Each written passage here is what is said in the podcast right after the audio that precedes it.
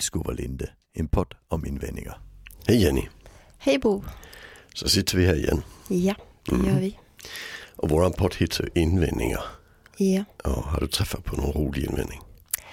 ja, och ja, rolig och rolig. Men visst möter jag på invändningar, det gör jag. Och den som jag tänkte vi skulle prata om idag, den eh, handlar om hot och våld. Mm.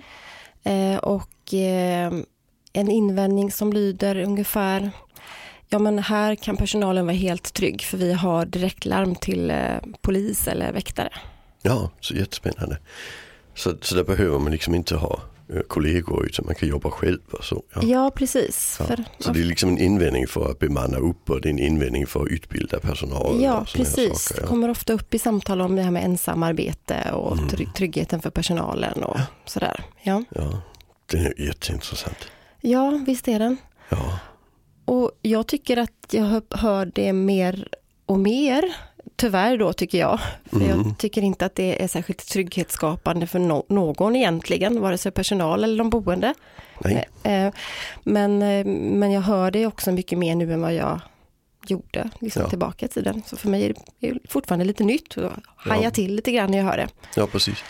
Alltså, vi kanske ska ta varför det är en liten korkad invändning. Ja, ja vi innan börjar vi går vidare. Ja, Alltså det första det är att det tar ganska lång tid innan de kommer. ja Ja. precis. De flesta våldsamma situationer är över på 5-7 minuter. Ja, Mm. precis. Ja, och det är ju också oftast när man väl pratar om det, fördjupar sig lite i det, så är det, är det ju det som eh, man också beskriver, att när väl väktare eller poliser på plats så är det liksom över.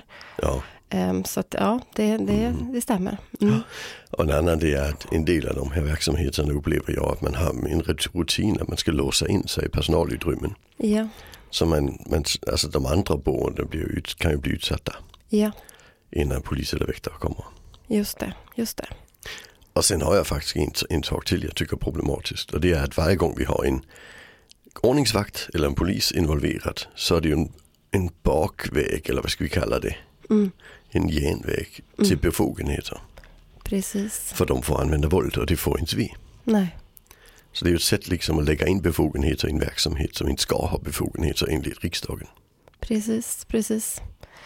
Så det blir ju också en, eh, liksom en väldigt, liksom man hanterar det på ett sätt som inte det är, så- det är lite grann att man släpper ansvaret kan man säga, eller ganska mycket, Ja. släpper sitt ansvar. Och, Mm. och eh, det som eh, många gånger händer, eh, upplever jag, det är ju att man Ja, man, om, man, om man behöver tillkalla väktare eller polis så, så tänk, ser man det liksom som någon slags separat händelse. Man sett, det, det blir inte lika motiverande att utvärdera vare sig det vad som hände innan men inte heller för att försöka hitta lösningar. Nej, Utan man, liksom, man, man har ju liksom redan en lösning ja. på något vis. Att, eh, mm, Precis, vi har en studie, en svensk studie från skolan som jag och David har pratat om i våran pop. Mm. Podd, David och Bo pratar pedagogik. Eh, Den visade att eh, när vi blandar in polis så förlorar vi kompetens.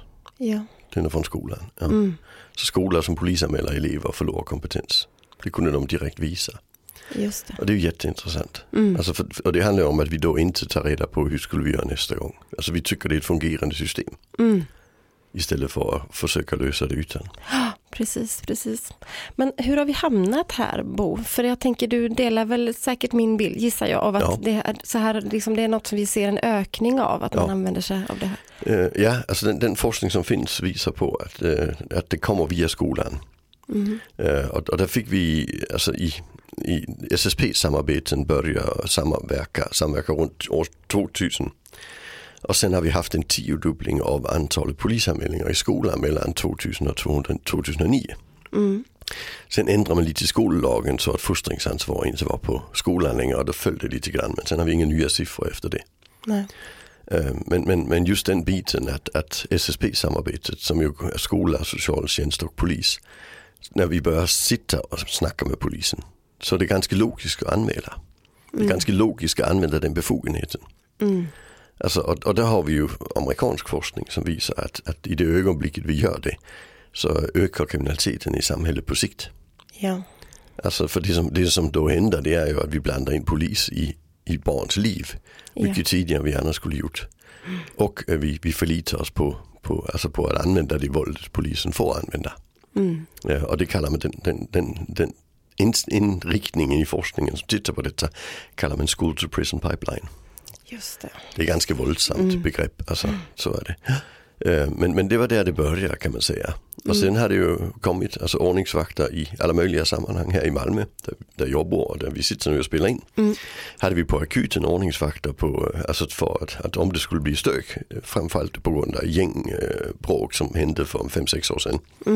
Och de har man ju avslutat nu, så nu är det en väktare som inte har befogenheter. Och där har vi ju fått ner, eh, alltså vi har fått ner hot och våld mot personal jättemycket. Vi har fått ner incidenter jättemycket, alltså typ med över 90 procent. Ja, det är ju oerhört intressant. Ja, så det ögonblick vi blandar in en uniformerad per- person med befogenheter Ja, så ökar antalet incidenter. ja, Alltså, och det handlar ju om att vi får befogenheter för att reagera mot den övervåldet eller övermakten överhuvudtaget. just det. Eh, Det, det är den ena delen. Och den andra det är att vi, vi tappar kompetens. Vi behöver inte göra något. Nej, nej, precis. För det är det jag också tänker, att man på något sätt... Ja, för, hur motiverad blir man att, att öka upp kompetensen och ge sin personal verktyg om man tänker att det enda du behöver göra är att larma och låsa in dig, om vi ska Ja. hårdra det. Ja. Ehm, och det, blir, det blir ju fel på så många sätt. Ja, Men-. Men är det också, mm, alltså är det också en ekonomisk, jag vill inte ens säga det, men alltså vad, Ja, men- är det att man istället för dubbelbemanning, Ja. istället för att öka kompetensen eller Alltså vad? om, om det kan vi ha ensamarbete på kanske säg, sex brukare Mm. på ett, ett, eh, ett, ett serviceboende. Då är det ju helt klart en, en, en kostnadsfråga. Mm. Även, även eh, Securitas blir mycket, mycket billigare när man bara ringer dem kanske varannan månad eller något. Mm. Alltså så är det. Och polisen är gratis. Ja, Mm. ja, just det. Och det här är, blir ju också så otroligt sorgligt för att jag kan möta på, det är just inte sällan i de här samtalen om eh, att vi behöver väktare och polis och sådär, eh, s- larm till dem, att, jag menar att mål, målgruppen har förändrats även inom fram, LSS till exempel, att man pratar om att det blir tuffare och tuffare och sådär. Så att det, det haltar på så många vis, där man, tänker att det istället, eller, eller där vi då tänker att istället borde det önskvärt om man dels gav kompetens, att ska du jobba i de här verksamheterna så behöver du ha alltså specialverktyg, Ja. 100% tillgängliga till dig, alltså kunna äga dem. Men inte heller ensamarbete såklart, för att du, man behöver känna sig trygg i att man är, det är ett tufft jobb, man behöver ha kollega, det är åtminstone en kollega runt sig Ja, ja, när det hettar till så att man kan få hjälp och, och välja välja rätt verktyg och, och, under press och stress. Liksom. Det är ganska Mm. orimligt egentligen när man tänker på det, att man skulle utsätta någon för ett ensamarbete. Ja, det är ju en sak om det är ensamarbete kring en person. Ja, ja. Alltså det, det, jag tycker dubbelbemanning på en person det blir sällan ja, bra. ja, nej, nej, absolut Men, inte. men när det är på ett boende där vi har ett antal personer då blir det ju, då blir det ju väldigt ensamt. Absolut. Ja, och möjligheten att, att kunna tillkalla en kollega. Mm. Eh, och jag tänker, jag har ju erfarenhet av så som tidigare när jag jobbade mer verksamhetsnära, att var, var det inte möjligt att ha en kollega i verksamheten så hade man någon annan som liksom kollega i en, verksamhet en bit bort som man kunde Mm.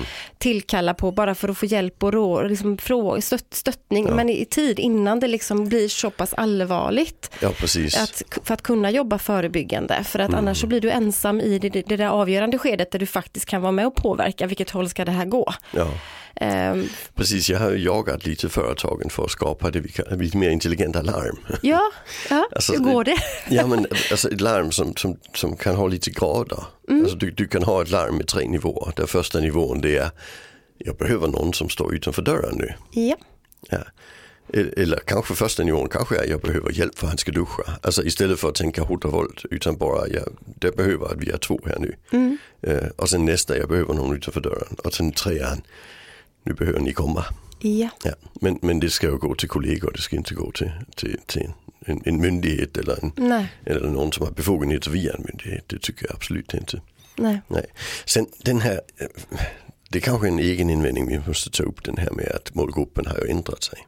ja det kanske vi ska göra. Jag tror vi ska faktiskt. ta i nästa ja, avsnitt för det, ja, det är frågan. Just det, Ja.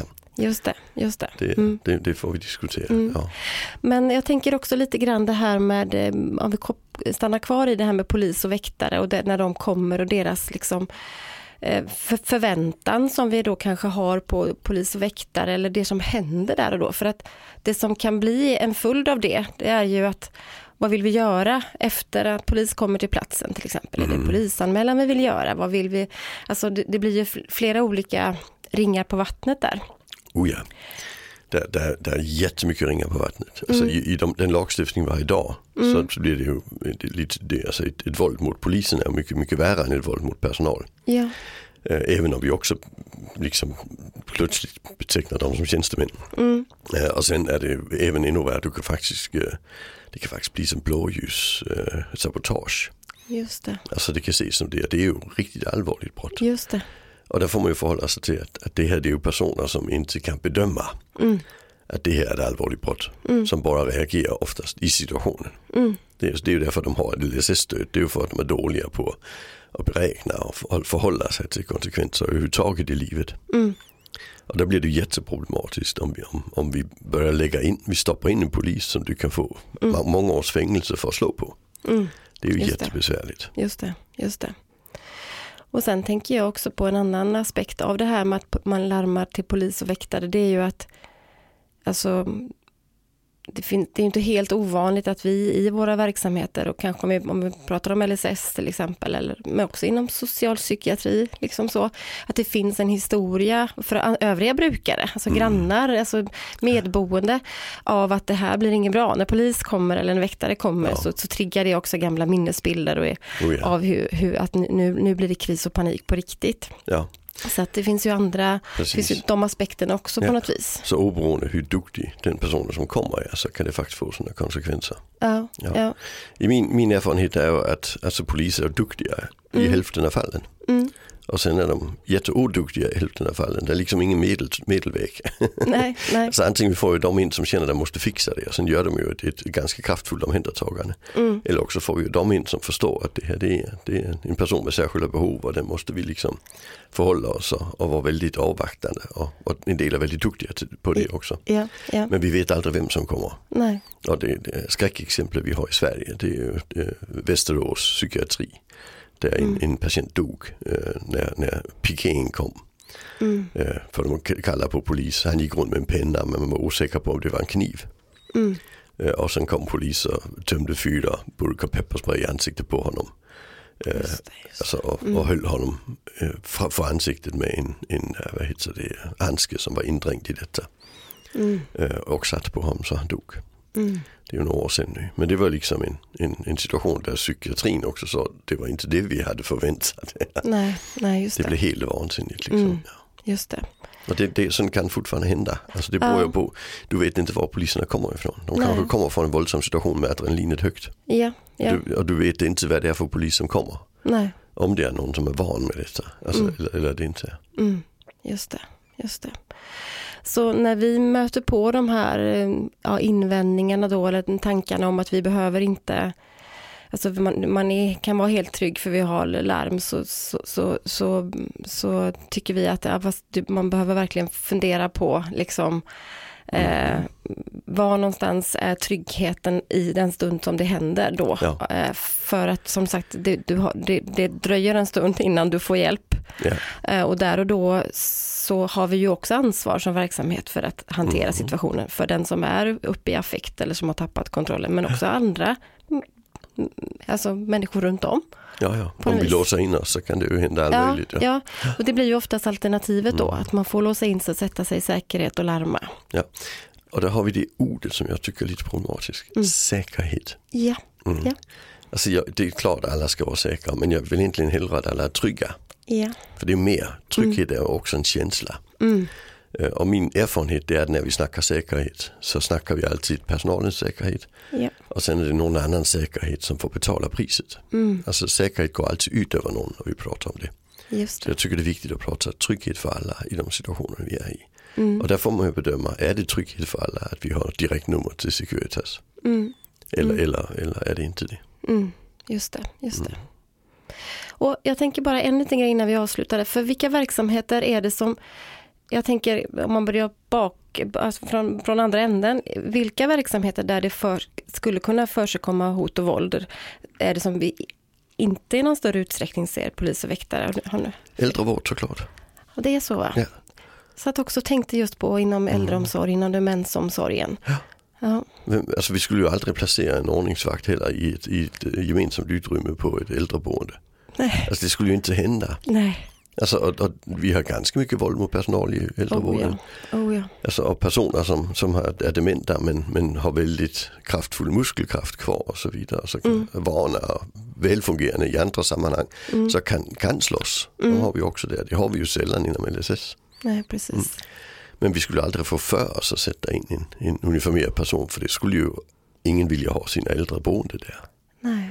Det är den första delen. Den andra delen det är en sån jag har funderat mycket över. Har vi tur kommer vi i äldrevården, eller hur? Mm.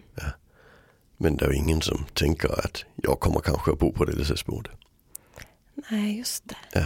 Åh, nej, kan det vara så där? Och så illa kan det faktiskt vara Mm. att, att vi... Så, Just det. För för det, jag brukar säga varje gång du har en tanke. Mm. Eh, David och jag har i våran podd gjort, gått igenom Tidöavtalets skoldel. Det, det, det Ja. var ganska roligt, 13 avsnitt. Mm. Eh, men, men det jag inte sa där men som är viktigt att säga det är ta alla de här förslagen och sen istället för skola skriv äldrevård och så se om vi fortfarande ska ha dem. Ja, du, Det är ganska bra, bra inte- det är tankeexperiment. bra sätt. Ja, Mm. mm. Ja. Tydliga konsekvenstrappor i äldrevården. Nej, nej, ska inte ha det va? Nej, Nej. nej, nej. Alltså plikt att polisanmäla alla brott som begås. Nej, nej, Nej. nej, det vill vi inte ha. Nej, Nej, det blir inte bra. nej tänk, tänk vad, ja visst, det är oerhört viktigt att göra de där kullerbyttorna i tanken Mm. faktiskt. För att ja, det, det är nog faktiskt så. Nej, jag har aldrig heller hört talas om att man snackar på det viset inom äldreomsorgen utan Mm. att det är men det är nog kanske så att vi kan tänka oss att det gäller oss, Ja. inte de andra. Ja, precis. Mm. Så kan det absolut vara. Mm. Mm. Ja, Ja. Vi, vi nöjer oss så kring polis och väktare. Tack Ja. för denna gången. Ja, tack, tack, tack.